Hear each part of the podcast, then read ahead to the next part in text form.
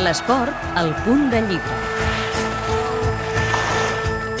Que sortir a córrer és una activitat en ple auge, que està de moda, és indiscutible. Fer running, jogging, anar a córrer... Tant se val com ni digueu, que si sou dels que us calceu les sabatilles esportives, segur que us interessa 100 llistes per a runners. Els seus autors, Cintu Asram, Natàlia Foguet i Martina Ros, prediquen amb l'exemple. Gràcies a la seva experiència, han ideat un llibre multidisciplinari al voltant dels vessants que envolten la pràctica d'aquest esport.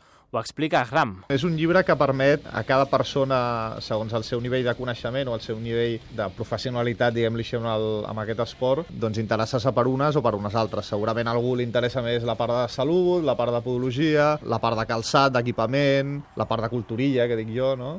Depèn. Per tant, estem davant de tot un manual per als aficionats a sortir a córrer, des dels més principiants fins als més professionals. Cadascun d'ells podrà trobar informació vàlida per al seu nivell. La guia 100 llistes per a runners aplica el mètode checklist, d'aquí el nom. És a dir, s'ofereixen una sèrie de llistes que el corredor pot anar marcant a mesura que va adquirint els coneixements teòrics o pràctics que s'hi exposen.